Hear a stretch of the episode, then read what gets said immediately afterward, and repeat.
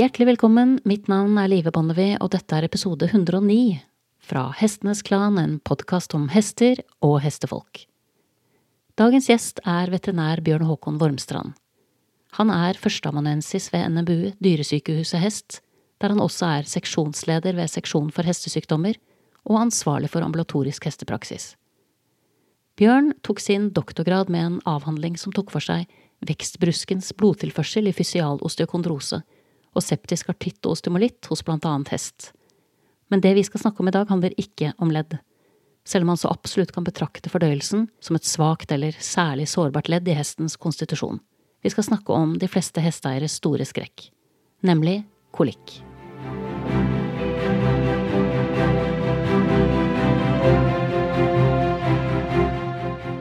Er vi klare? Ja. Så bra. Bjørn, takk for at jeg fikk komme hit til eh, NMBU. eh. Jo, det er bare hyggelig å få besøk, egentlig, og få vist frem eh, fasilitetene våre. De var fantastiske, må jeg bare si. Ja, vi har tatt steget inn i det 21. århundre, kan man vel si. Et, et stort steg inn, ville ja. jeg sagt. Jeg må si at jeg ble litt overrasket over at dette, dette formatet finnes på norsk. Ja, og det altså Med flytting til helt nye lokaler, så, så er det klart at man kan legge det til rette. Og så har det vært lagt mye ressurser inn i å, å, å planlegge det, eh, sånn at det fungerer ut fra våre behov. Da. Eh, de begynte med det i 2013, så det, det begynner å bli noen år siden. Men det, det har gått mye innsats og tid med til å eh, detaljplanlegge alt sammen. Men det ser ut som det har vært verdt det. Ja, absolutt. Eh, Det har Vi merker jo fortsatt at, at det er Altså for å få klinikkdriften til å fungere, så altså vi er på et nytt sted eh, med nye, nye muligheter og, og nye ordninger. Men vi begynner å komme på plass nå eh, og merker at, eh, eh, at det flyter bra. At det fungerer fint. Og det passer jo egentlig godt i forhold til det vi skal snakke om, fordi jeg hadde jo en hest på et tidspunkt, det var sånn jeg traff deg, som jeg lurte på om skulle hit, rett og slett. Mm. Det som skjer, som jeg snakka så vidt om i en annen episode, er jo at han legger seg ned under fôringstid. eh, Hvilket ingen hester gjør. Og da ble jeg oppringt og begynte å leie ham rundt på banen og tenkte hva gjør jeg nå? Og så um, endte jeg opp med å ringe noen av de gamle numrene og fant etter hvert ut da noe som jeg ikke var klar over. Altså at vi hadde noe som het Hestevakta. Og Ja. så ringte jeg dit, og da var det du som tok telefonen. Ja, det gjør jeg innimellom. Ja, og da hadde jeg en hest som, som da jeg kom, eh, virket som han var veldig lett affektert, hvis man kan kalle det det. Så jeg tenkte at nå må jeg bare leie ham noen timer, og så vil dette gå over. Og så tok det Men jeg turte jo ikke stole på det, så jeg oppretta jo kontakt. For jeg tenkte jeg vil heller ha deg ut eh, en tur for mye enn en tur for lite. Og han ble jo veldig fort veldig mye dårligere. Så da du kom, så hadde jeg allerede begynt å planlegge hengeren, eh, ikke sant, hvis han måtte noe sted og sånne ting. Men eh, det som da skjedde i etterkant, var jo at jeg fikk egentlig litt lyst til å, å ta en ordentlig prat med deg, både om hva kolikk er, og eh, behandlingen av den, og prognoser, og typer kolikk, og du vet hele den store kolikksamtalen. Ja, da, da burde vi hatt eh, flere timer, tror jeg, men det er et stort tema. Hvordan tenker du at det kan være lurt å starte? Jeg kan jo starte med å si at det gikk bra med hesten min. Du gjorde alle dine ting eh, helt riktig åpenbart. Og han hadde kanskje ikke Vet vi noe om da hva slags kolikk han har hatt? Nei, det er ofte vanskelig å si. For det syns jeg du sa, ja. At det var Eh, ikke så lett å si hva det var. Nei. Det, det, altså med unntak av kolikkoperasjoner, når man åpner opp og ser etter, så, så er det ikke alltid man har en presis diagnose. Eh, Det går mer på tilstanden til hesten. Altså er det eh, noe som kan ses an en stund, eh, eller skal den rett inn til, eh, til mer avansert behandling og, og eventuelt operasjon. Kan vi leke oss litt med tanken på hva, hva slags kolikk det kunne ha vært? Ja, og den lista over altså, ting som gir kolikk, er litt avhengig av definisjoner, men det er 70-80 forskjellige diagnoser.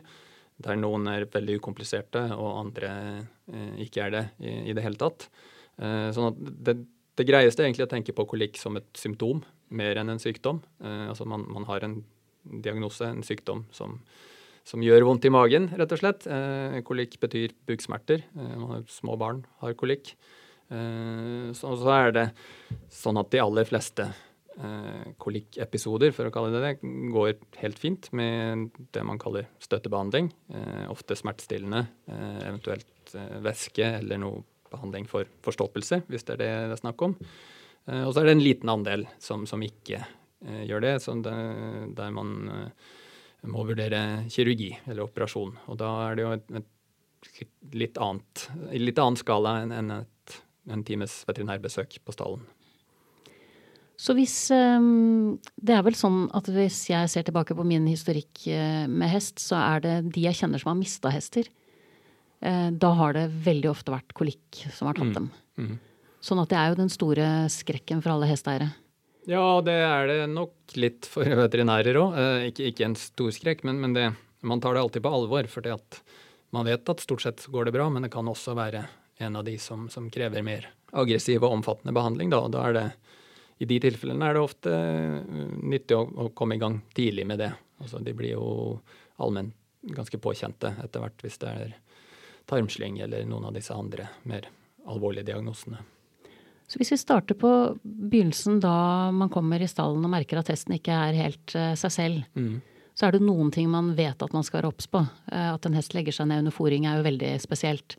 Ja, at den driver med vedvarende rulling. Ja, ja. Ikke sant? Men er det også andre symptomer som du vil trekke fram som er mindre kjent? Ja, det, det, er jo en lang rekke med, med ting som kan være kolikksymptomer. Uh, men, men, det at altså, Hvis man tar inn noenlunde stigende skala, altså at de er litt nedstemt, eller at de ikke spiser, at de kanskje kikker seg på buken eller løfter på overleppa, og så har man Eh, det med at de skraper med frambeina, som mange sikkert vet om. Eh, eller at de sparker seg mot buken, eh, for det gjør vondt der. Til da at de, de legger seg ned, og særlig hvis de begynner å rulle, så, så er det et ganske klassisk og tydelig tegn på kolikk. Og de aller verste er jo knapt kontaktbare. Altså, de, og de er jo farlige både for seg selv og, og folk som er rundt. Altså når 500-600 kilo eh, ikke har Eh, kontroll eller kan bremses på noe vis, så, så, så, er det ganske dramatisk. Men heldigvis ikke så veldig vanlig. Men, men man er ute på, for noen sånne et par ganger i løpet av året. Så står jeg der i stallen og merker at testen min er litt påkjent, men, men det er ikke så veldig konkrete symptomer. Mm. Hva er det første jeg bør gjøre da for å, for å begynne å nøste opp om dette kan være kolikk? Uh, ja, begynne med å fjerne fôr. Uh, det er jo ofte Eh, forstoppelse er en vanlig årsak til kolikk, sånn at det, det, det, er greit å unngå fylle på forstoppelsen. Nå er det ikke alle som spiser uansett, men ta bort fôret og, og observer hesten. La den stå i boksen eh, og se hva den gjør når den får være helt i fred. Eh, og så er det dette med å, å, å, gå med den en tur, da. Eh, de aller fleste vil, vil, holde seg på beina eh, når man leier dem, eh, og så om man har vært ute en liten tur, at man setter dem tilbake i boksen og ser var det noe som gikk over ganske raskt, eller viser dem fortsatt symptomer. Eh, og er det sånn at, at man eh, ikke får leid på dem fordi at de vil legge seg og rulle og sånn, så, så, er det nok ganske alvorlig. Så da, da, ville jeg ringt noen eh, ganske raskt. Og så kan man lytte på magelyder, og man kan ta pulsen. Ja, og det er jo altså Det med altså, lyd, Armene lager lyd når de, de, fungerer som de skal, så det kan være interessant å vite. Ofte vil de være en del nedsatt ved kolikk, og hvis det er helt stille, så, så kan det være mer alvorlig enn, enn hvis det fortsatt er noen lyder. Eh, og da kan det være greit å ha et stetoskop. Det er et enkelt og billig hjelpemiddel. Så, og øve litt med det på forhånd, så man vet. Altså, pulsen kan man telle, men, men tarmlydene er mer eh, ikke så rytmiske. Så, sånn at eh, lytt litt på hesten din og vit hvordan de er når den er normal.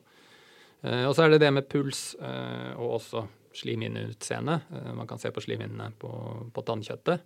Fordi altså, de fleste av disse alvorlige kolikkene gir det man kaller sirkulatorisk påkjenthet. Eh, at sirkulasjonen eh, blir svekket, og da, da, vil pulsen gå opp og slimhinnene kanskje blir mørkere. Mørkere? ja.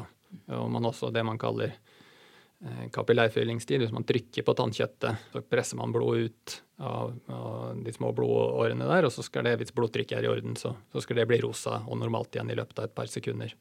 Og hvis det tar lengre tid, så, så tyder det på at, på at, blodtrykket er lavere enn normalt, og at det er noe mer alvorlig feil med hesten. da.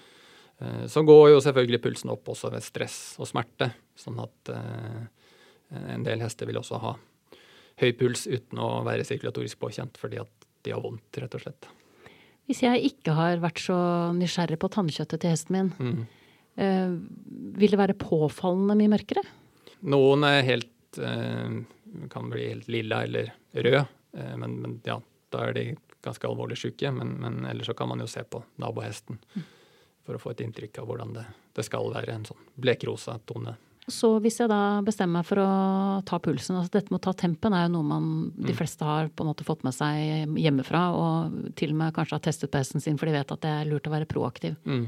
Men jeg kjenner jo mange som ikke vet hvordan de tar puls. Nei, da er det jo, har man dette stetoskopet, så lærer seg å lytte på, på hjertet. Eh, rett bak albuespissen, hvis man legger den klokka godt innunder der, så, så hører man hjertet. Så da kan man telle. Eh, og så må man huske at hester har ganske lav hjertefrekvens i utgangspunktet, sånn at, at man ikke teller dobbelt. Eh, det andre man kan gjøre uten stetoskop, er å kjenne på eh, arterien på, på kjevegrenen på hesten. Eh, kan man kjenne det ligger som en tjukk gummistrikk eh, i bakre tredjedel av, kjevegrena. Så å holde den mellom to fingre, så kan man kjenne, kjenne pulsen. Eh, hvis man har tatt pulsen på seg selv, så, så er det, det er større forhold på, på hest, så det er ganske greit bare man finner den arterien. Så det kan være greit å få veterinæren til å vise neste gang man har eh, noen på besøk i, i annen anledning. For det er litt greit å ha funnet den før man står der, tenker jeg. Ja, det, det er ikke så lett når man er stressa man og lei seg, og, ja. og hesten kanskje ikke står så veldig stille heller. Så, Og hvor eh, høy er den pulsen eh, når man bør bli alarmert? normalpulsen ligger stort sett mellom 30 og 40. Eh, den varierer litt utafor det òg, sånn at igjen, hvit vann, normalpuls er, eh, hvilepuls er til vanlig på hesten, eh, men sånn over 60, opp mot 70, så, så begynner det å bli alvor. Da, da, da skal man, kan man bli bekymret. Så ringer man jo typisk en veterinær, Mm.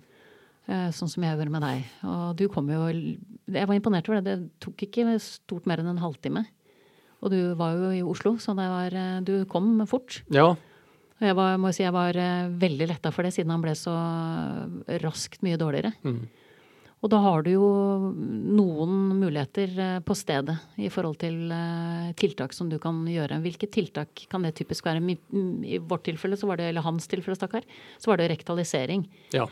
Du rett og slett plukket ut det som eventuelt kunne ha hopa seg opp. Ja, det, nå var nok det bare siste del av tarmen. Det, det er nok 30-35 meter til som man ikke når frem til. Men, men altså, eh, altså, siden det er så variabelt hvor alvorlig det er med kolikk, så, så er det viktigste en, en grundig undersøkelse. Eh, dels å se på hesten og vurdere symptomene, og det man kaller en vanlig klinisk undersøkelse med hjertefrekvens og tarmlyder og temperatur og alt dette. Og så for kolikkhester særlig en sånn rektalundersøkelse der man går inn med armen rektalt og, og kjenner, for da, kan man, da vet man hvordan det skal være eh, normalt sett. Og så kan man eh, Altså man kjenner ja, opptil 40% av bukhulen. De er ganske store, så man når ikke frem til alt, men, men eh, en god del av det. Og da innimellom så finner man en forstoppelse eller noe sånt som, som, så man kan stille en diagn presis diagnose med en gang. Det er ikke alltid man gjør det, men, det, er, det er ganske god plass i en hestebuk til vanlig. Og man vet man har en runde på seks-sju normalstrukturer, som vi kaller det, som, som man kan kjenne, og man vet hvor de skal være. Eh, Sånn at eh, det er en god måte å finne ut på eh, at hvis det er noe alvorlig feil, selv om man ikke finner ut nøyaktig hva som er feil, så, så kan man ganske raskt eh, kjenne igjen, finne tegn på at her er det mer alvorlige ting. Sånn at eh, det er noe vi stort sett gjør og ønsker å gjøre. Eh, Så det er palperingen av innsiden av bukhulen som er hovedgrunnen til at du rektaliserer? ja, for Ja. å finne ut eh, Ligger eh, tarmene der de skal? Eh, er de en normal konsistens og innhold? Eh, sånn som hvis, hvis man finner man, Tynntarm er jo et godt eksempel. Det, det, de er så ja, små i, De er ikke små, men, men de er eh, helt vanlig, har helt vanlig innhold, sånn at man kjenner dem ikke noe normalt sett. Eh, sånn at hvis man kjenner tynntarm som er utvida, væskefylt stort sett, eller gassfylt, så tyder det på, på, en, på en obstruksjon, altså en, en passasjehindring i tynntarm. Og da vet man at de aller fleste diagnosene som gir det, eh, er ganske alvorlige. Sånn at eh, det vil være et av de eh, alarmerende funnene man kan gjøre ved en pasient, og at man da, som gjør at man vurderer henvisning og, og, og den slags.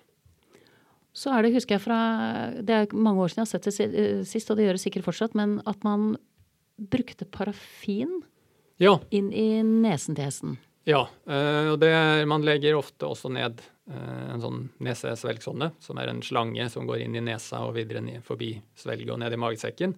Og det gjør man både diagnostisk og innimellom for behandling.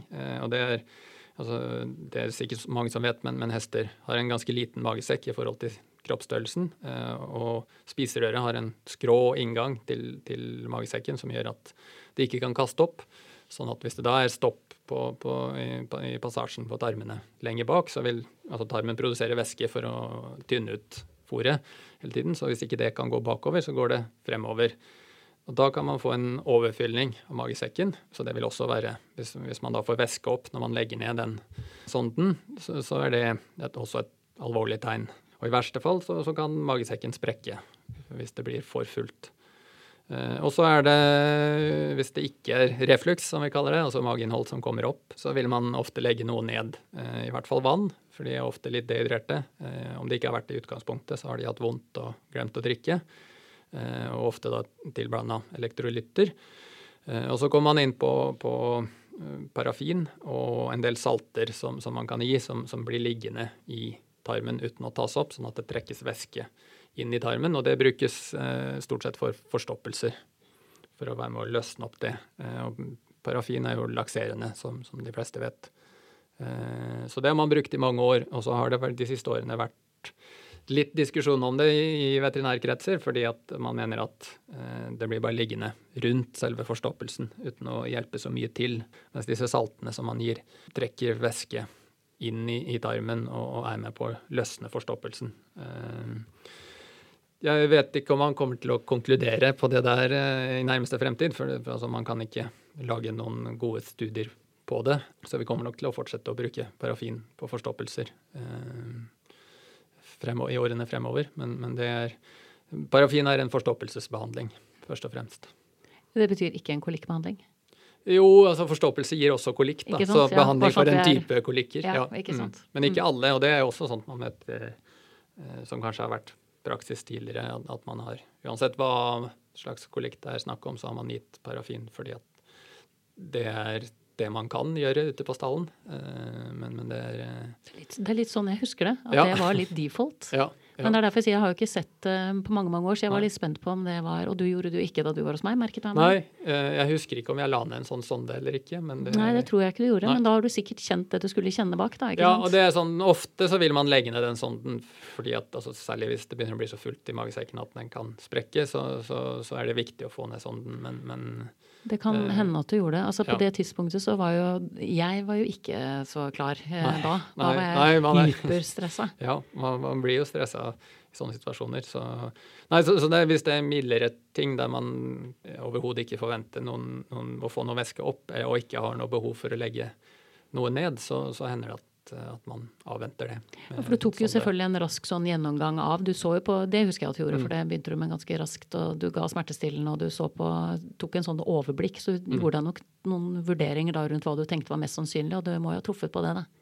Ja, for det, det løste seg fint. Ja, og det gjør jo heldigvis ofte det. Um, det, er, altså det, det kolikk sånn med Første undersøkelse er jo å, å, å, sortere dem litt, egentlig. Uh, er dette en av de som som antageligvis vil gå over av seg selv, eventuelt med litt eh, smertestillende eh, eller væskebehandling? Eh, eller er det en man må være mer obs på? ikke sant? Og da er det jo dette med En ting er smertene, men også allmenntilstand med sirkulasjon og, og, hva man kjenner rektalt. da.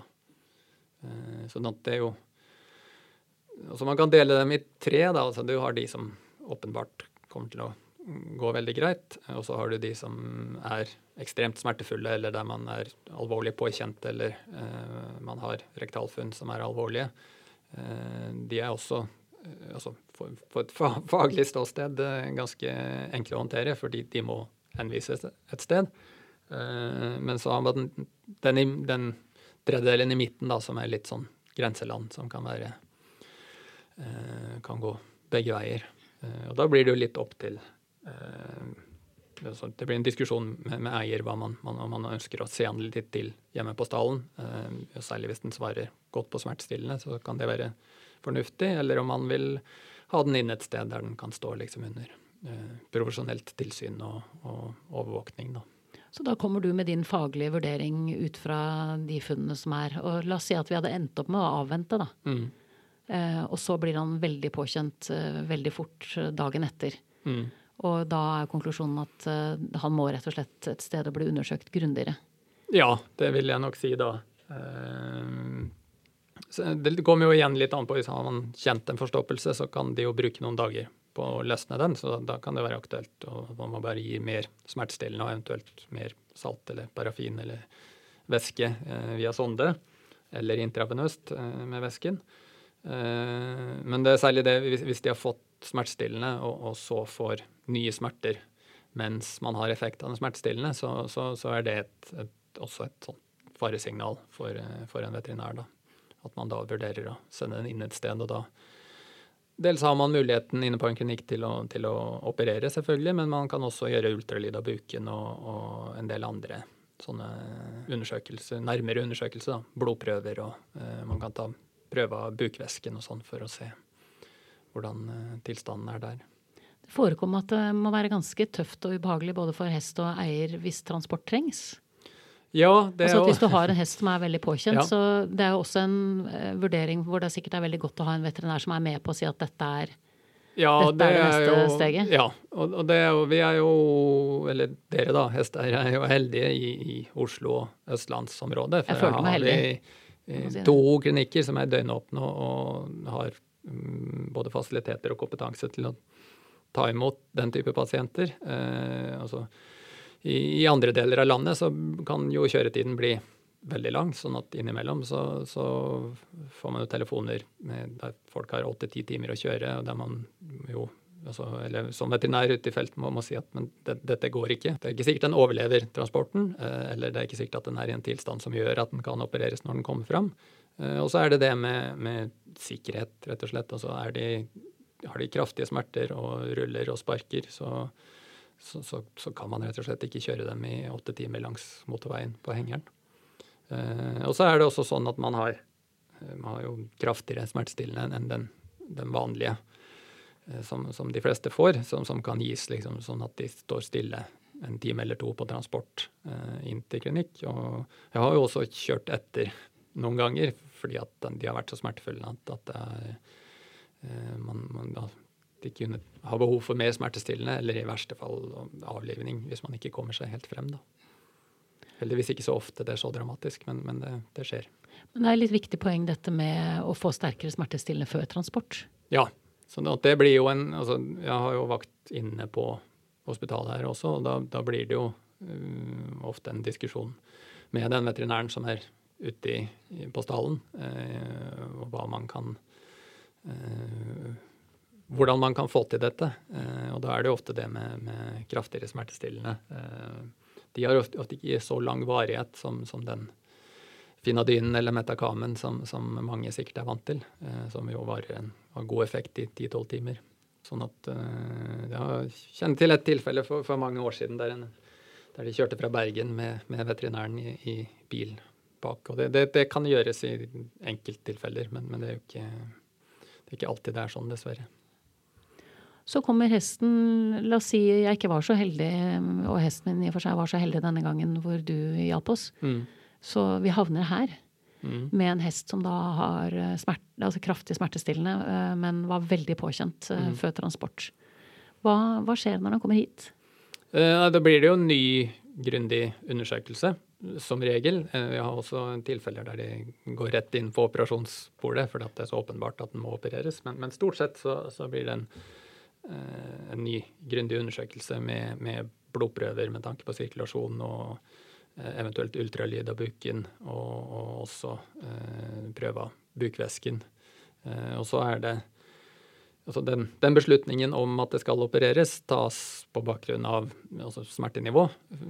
Hvis det er smerter man ikke kan kontrollere med vanlig smertestillende, så, så er det, da blir det et velferdsspørsmål. så da, da, er det såpass brutalt at da er det operasjon eller avliving.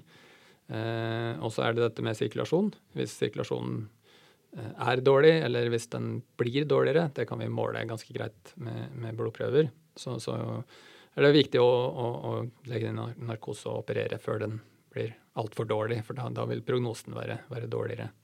Og så er det disse rektalfunnene, om man har kjent ting der som tyder på, på, at det er noe som må behandles kirurgisk. Eh, og til slutt dette med overfylling i, i magesekken, da, for da de fleste lidelser som gir det, eh, krever operasjon for å, for å, endres på. Ikke alle, men, men eh, de fleste. Og det er en, en, dramatisk ting å gjøre, å operere en så sårbar del egentlig av hesten. Mm. Um, hva skjer etter La oss si at det ble et vellykket inngrep, da. Mm. For det blir det, håper jeg, i de fleste tilfeller. Ja, det, det gjør det. Ja. ja.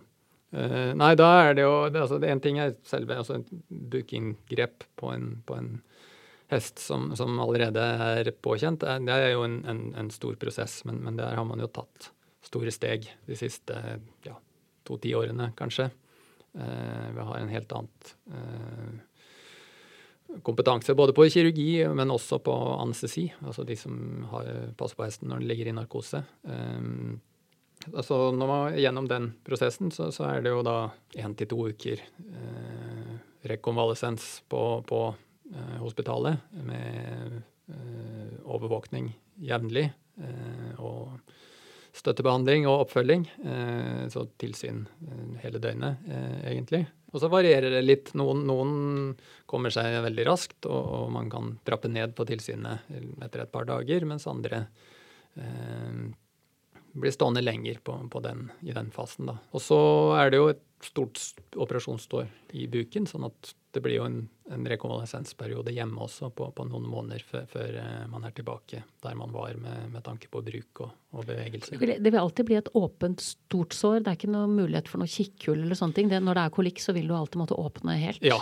ja. Det, vi gjør jo kikkhullsoperasjoner av buk på, på hest også, men, men øh, det, det, er for andre ting, kort sagt. Eh, det, man får ikke gjort så mye.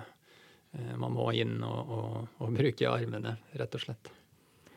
Er det da to-tre måneder med, med bokshvile, eller hvor er vi på skalaen i forhold til eh, behandlingen Nei, etterpå? ikke strikt bokshvile så lenge, men, men, det blir jo, man begynner med det, og så blir det kontrollert eh, mosjon, da. Eh, og det, det, er jo varierer jo litt fra hest til hest om de eh, står stille og rolig inne i boksen og er fornøyd med å leies eh, i korte turer eh, om dagen, eller om de stresser mye, så er det jo bedre at de står ute i en liten luftegård. Eh, så blir det en litt avhengig fra pasient til pasient, men, men en, en, gradvis opptrening, da. Stingene kan jo tas etter ja, 12-14 dager, og så når såret er helt helet, så, så, kan man gradvis øke mosjonen. Men, men det tar jo opptil et halvt år før, før arrvevet der er like sterkt som, som, det vevet som var der i utgangspunktet. Da. Sånn at sprang og sånt blir det, blir det, nok i hvert fall et halvt år før man kan gjøre på noe skala.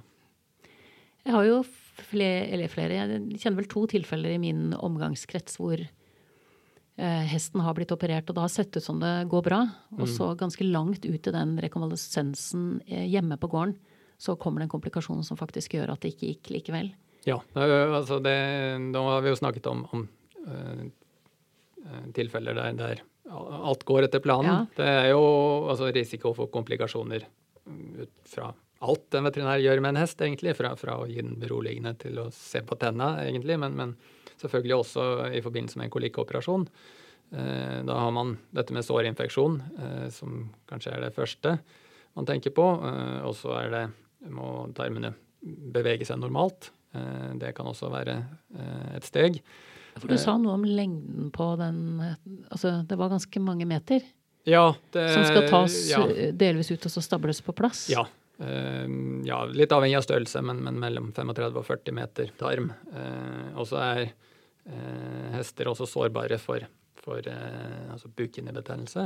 og det vil selvfølgelig gi en inflammasjon eller betennelse i, i tarmene, bare man Altså det at man håndterer dem. De, de, er jo ikke beregnet på at man skal løfte dem ut med hendene og, og ha dem ute i friluft. Eh, sånn at der blir det en inflammasjon, og det vet man. altså Bare det å åpne buken og løfte ut tarmene fører til sånne problemer. Men, men også, særlig hvis det er feileier og ting man må rette på, så, så må man jo bruke ganske mye kraft. Eh, nå er kirurgene ekstremt opptatt av å, å, å håndtere tarm så forsiktig som mulig, eh, men man kan fortsatt få altså, inflammasjonsprosesser og, og eh, på sikt da sammenvoksninger inn i bukhulen. altså, altså tarmen sitter fast i seg selv eller i bukveggen eller andre ting. Eh, og da kan man få sånne nye kolikkepisoder på et, etter noen uker eller måneder når hesten er hjemme igjen. Så det er det som typisk skjer i de situasjonene der? Ja, det vil jeg tro. Hvis det, hvis det er snakk om at den har, har gått hjem og, og, det er et par måneder etterpå, så, så vil jeg tro at det er sånne, sånne utfordringer. Ja, jeg tror I begge de tilfellene som jeg kjenner til, så hadde vel hesten Man hadde liksom kommet dit og man tenkte det her gå veien. Ja, ja. Man hadde liksom rukket å slå seg til ro med det. Ja. Og så kom det på en måte litt bakpå. Men, men når man spoler tiden tilbake, så begge, begge, de jeg snakket med, har blitt fortalt på forhånd risikoer og sånne ting. Så det var ikke sånn at det kom bakpå dem sånn nei, sett. Men, nei.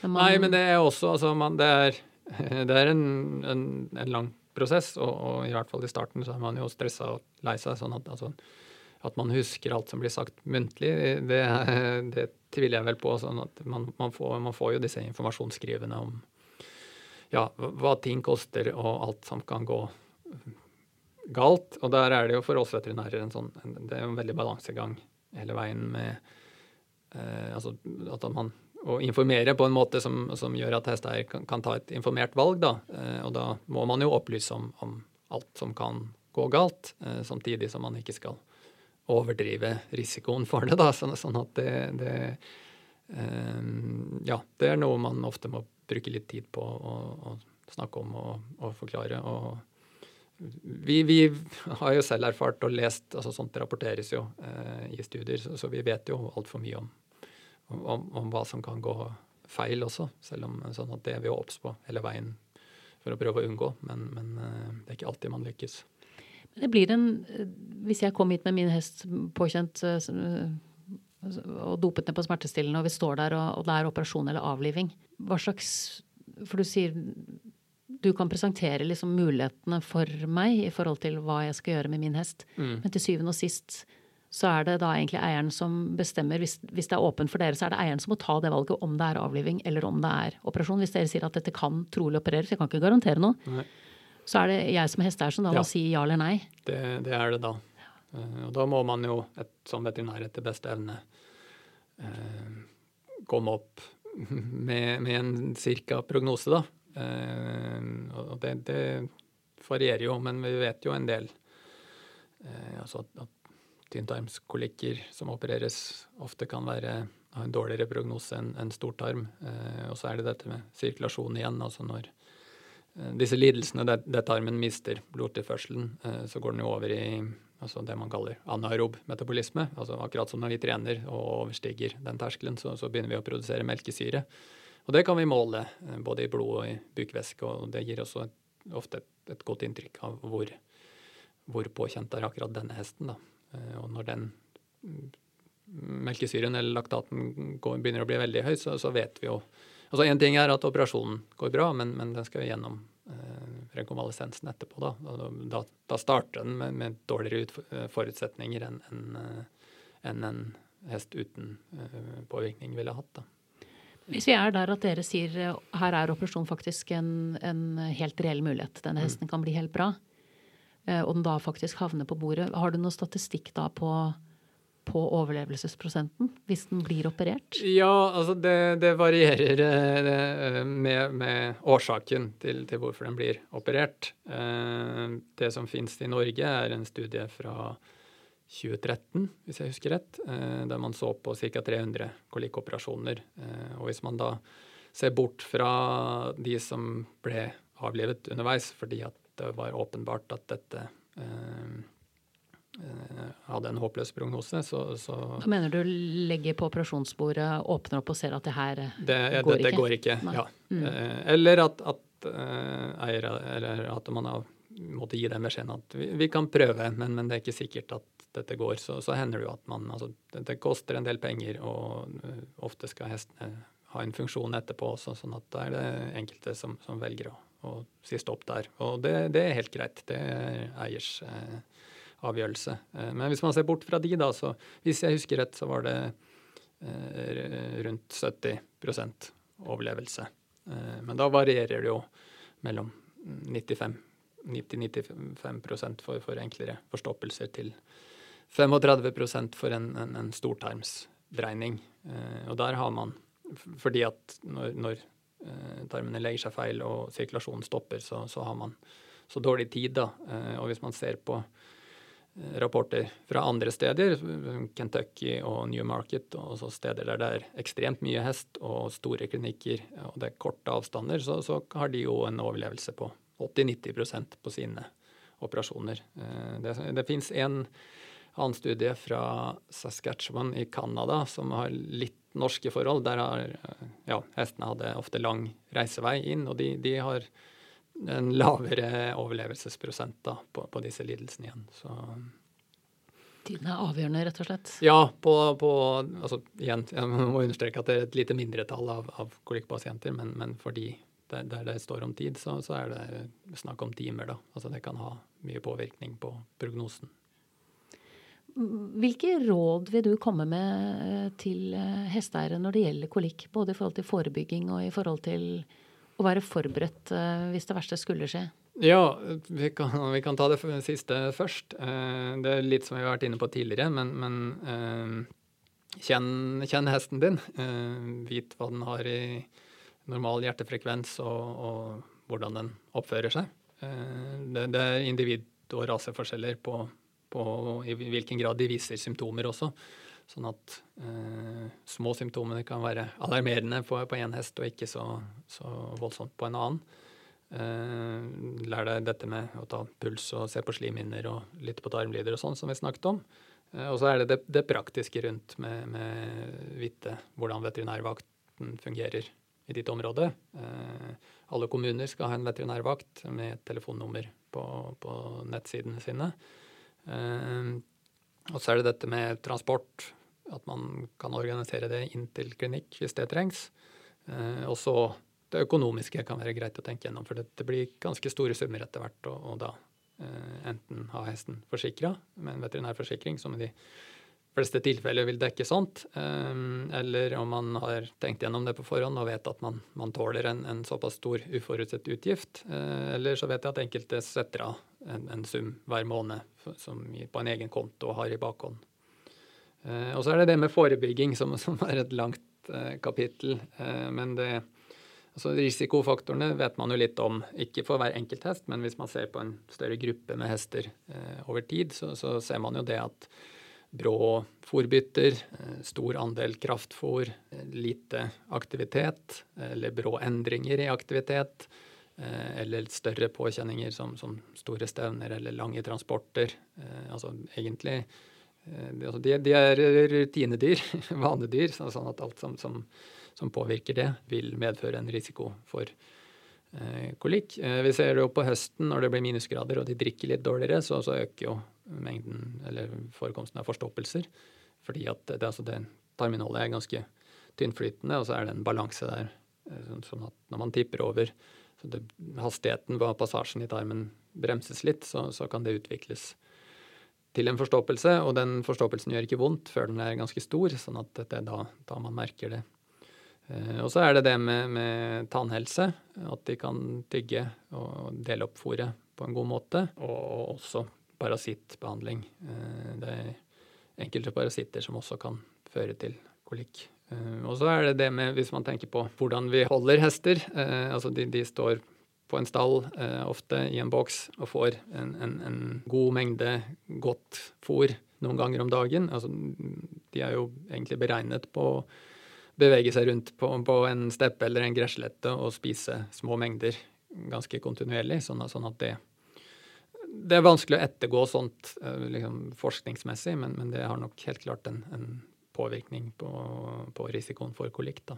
Det er jo også veldig diskutert sånn med, med, når man snakker om magesår, som også er ganske vanlig på hest, at hele fordøyelsessystemet deres er beregna på, på, små mengder mat nesten hele døgnet. Det, altså, de kan spise opptil 18-19 timer i døgnet hvis de får anledning. Det er jo en egen eh, episode som jeg forbereder Ja. også. Jeg føler liksom at Ja. vi har ikke plass til både magesår og kolikk sammen. Men, men ikke sant, det er også en kjent eh, utfordring. Mm. Ja, og så er det sånn altså, vi, vi kan, De kan jo ikke spise 18 timer i døgnet av, av kraftfôr og H1-høy som vi, vi, vi tilbyr dem. Altså, det, det, er jo beregnet på, på mer eh, ikke så næringsrikt eh, høy. Det er jo utfordringer med overvekt på, på hester også. Så. Men, men altså et, et jevnt fôringsregime og en jevn aktivitet er vel kanskje det viktigste. Å passe på dette med at de drikker når, de, når det blir kaldt, og, og når man er ute på stevner og, og bryter opp rutinene. Da. Jeg har lyst til å snakke litt med deg om bettfiber òg, jeg. Ja. Både fordi det er mange som sverger til det, særlig disse litt sårbare overgangene hvor hestene drikker lite. Mm. For det er en måte å få i det mer væske på. ja, absolutt. Så det er det første jeg lurer på om veterinæren signerer på, at det er en god idé. Ja, uten at jeg har noen veldig er- bakgrunn med, med tanke på ernæring og, og, og fòrtyper, men, men altså mer væske eh, vil jeg regne som positivt. Eh, og også dette med at det ikke inneholder så mye lettilgjengelige karbohydrater. Altså man kaller hester for bakkammergjerder, altså den sekundære fordøyelsen skjer bak i blindtarm og, og stortarm. Eh, sånn at eh, altså Årsaken til at alle disse altså fòrbytter og sånt eh, kan gi kolikk, er at da kan man få forskyvninger i, i den mikrofloraen av, av eh, bakterier og annet som er bak der, som kan gi gassopphopning. Da. Men, men eh, ja, jeg tror absolutt beta-fiber kan være, kan være et nyttig tiltak. Gjerne da altså med en gradvis introduksjon, sånn at det ikke brått får noe nytt, eller store mengder ny, ny type fôr. Hvis man eh, skal opp og ned på høymengde, Mm. den samme typen høy som hesten har fått hele tiden, eh, hvor forsiktig må man være da? Eh, det er vanskelig å gi noe, men, men altså en, en gradvis overgang. Jeg vet ikke om altså mengden har så, Justering av mengden har så stor påvirkning. Men hvis man går fra en, ja, på en måte? ja, men det er mer hvis man går fra én type til et annet, så ville jeg vel brukt en uke på å, å gradvis introdusere den nye type fôret. da. Og så er det den andre siden av bettfiber som jeg også har fått befatning med gjennom podkasten min. At, altså folk kontakter meg jo når hesten har klart å komme seg ut av stallen sin om natten og Ja. funnet akkurat den døtta Ja. og forsynt seg av den. Mm. Som da fort kan bli en veldig, veldig alvorlig situasjon. Ja, da er det jo uh, dette med spiserørsforstoppelse, kanskje, først og fremst. Jeg så på en sånn for uh, ja, en uke siden cirka. Uh, så, altså, hester har et langt spiserør og får forstoppelse der innimellom. Og det er jo altså, noe som er tørt og som svelger ved fuktighet, som sitter fast. Det, det, det kan være vanskelig å løsne. Det tar i hvert fall tid. Eh, så det er et risikomoment. Tørr beptfiber ville jeg hatt godt lukket inn, sånn at uh, adgangen ikke, ikke er der. Det må man huske på. Også det å ha litt forhold til hva slags fôr hesten får. For det er Ja. klart at det ligner jo Det er jo pelletert. Ja, Så eh, hvis du har litt uflaks, som ja. jeg kjenner til rett tilfelle av, så har du Ja. gitt en neve med feil fôr, Ja, absolutt. og så fått en spiserørsforstoppelse. Jeg tror det var det som hadde skjedd i, i mitt nå nyligste tilfelle. Så de var selvfølgelig lei seg, men, men altså, det ordnet seg. det Vi fikk løst det etter hvert. Men eh, det, det, er jo en tur man midt på natta som man kanskje skulle vært uh, uten. Du kan gjerne nevne symptomene på spiserørsforstoppelse Ja, også. For det det kan være greit å ta med. Ganske greit, men, men det, de hoster og virker plaget. Uh, og så kommer det ofte ganske store mengder slim med fori ut av begge nesebor. Uh, innimellom kan man også se og kjenne eh, en kul på halsen langs spiserøret, der, der forstoppelsen sitter. Så, og det, dette kommer ganske brått, så det, det, det, legger man nok merke til. Um, du har jo snakket litt sånn løselig om dette med økonomien når, Mm. eh, når hesten blir alvorlig syk, f.eks. med kolikk. Mm. Og hvis man ikke har en veterinærforsikring som dekker det, Mm. eh, hva, hva snakker vi om litt sånn, hvis vi skal gjette? Eh, Si at hesten min hadde ganske alvorlig kolikk. Ja. da. Han måtte bli operert eh, akutt, og han måtte stå her i to-tre uker. Mm. Hva, hva blir fakturaen på sånn cirka? Eh, Ja, den blir høy. Eh, Det kan jeg jo si. Altså, det, det, og det har med å gjøre at man, man har både utstyr og, og døgnbemanning, som, som alle som driver en bedrift vet at det er kostbart. så Det må dekkes inn. Men da, altså, i dette tenkte tilfellet vil jeg vel si i hvert fall 100 000, kanskje. 80 000-100 000. Eh, Litt avhengig av hvor, hvor mye overvåkning det er snakk om på nattestid, for det er ofte det som er kostnadsdrivende sånn etter operasjonen, som i seg selv er ganske dyr. Særlig hvis det er helg eller natt, og det er det jo ofte. Eh, vi opererer innimellom på dagtid, og da blir det rimeligere. Men, men eh, ja, der omkring må man nok være forberedt på. Og er det snakk om altså, komplikasjoner og sånn som gjør at de må ha tilsyn hele døgnet eh, over en uke eller to, så, så, kan det jo bli dyrere enn det, opp mot 150 000 også. Og hvis det dukker opp komplikasjoner som gjør at hesten må inn igjen, mm. f.eks.?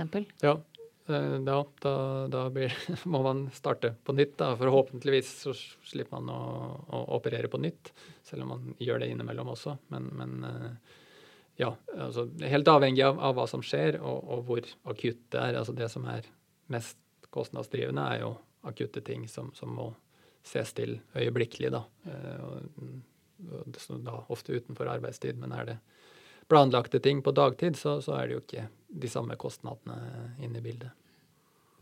Er det ofte på kvelden, eller?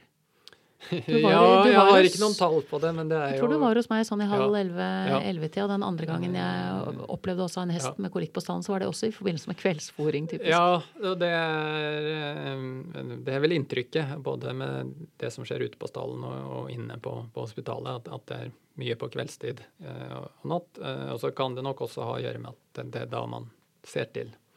Det er da hestene får mest oppmerksomhet. altså på ja, ettermiddagen eller når man er ferdig på jobb eller sånne ting. Sånn at, altså, det er jo sånn den utkjørende vakta når, når eh, Hvis det ikke har ringt noen før 10-11-tiden, så, så, så, er det som regel stille, for da, da, da, har folk gått hjem, og så ringer de heller på morgenen eh, i stedet. Mens eh, inne på en klinikk så, så, kan man jo få en telefon i, i 11-12-tida om, om, en som kommer om to timer. Eh, sånn at det er en viss forsinkelse der også, sånn sett.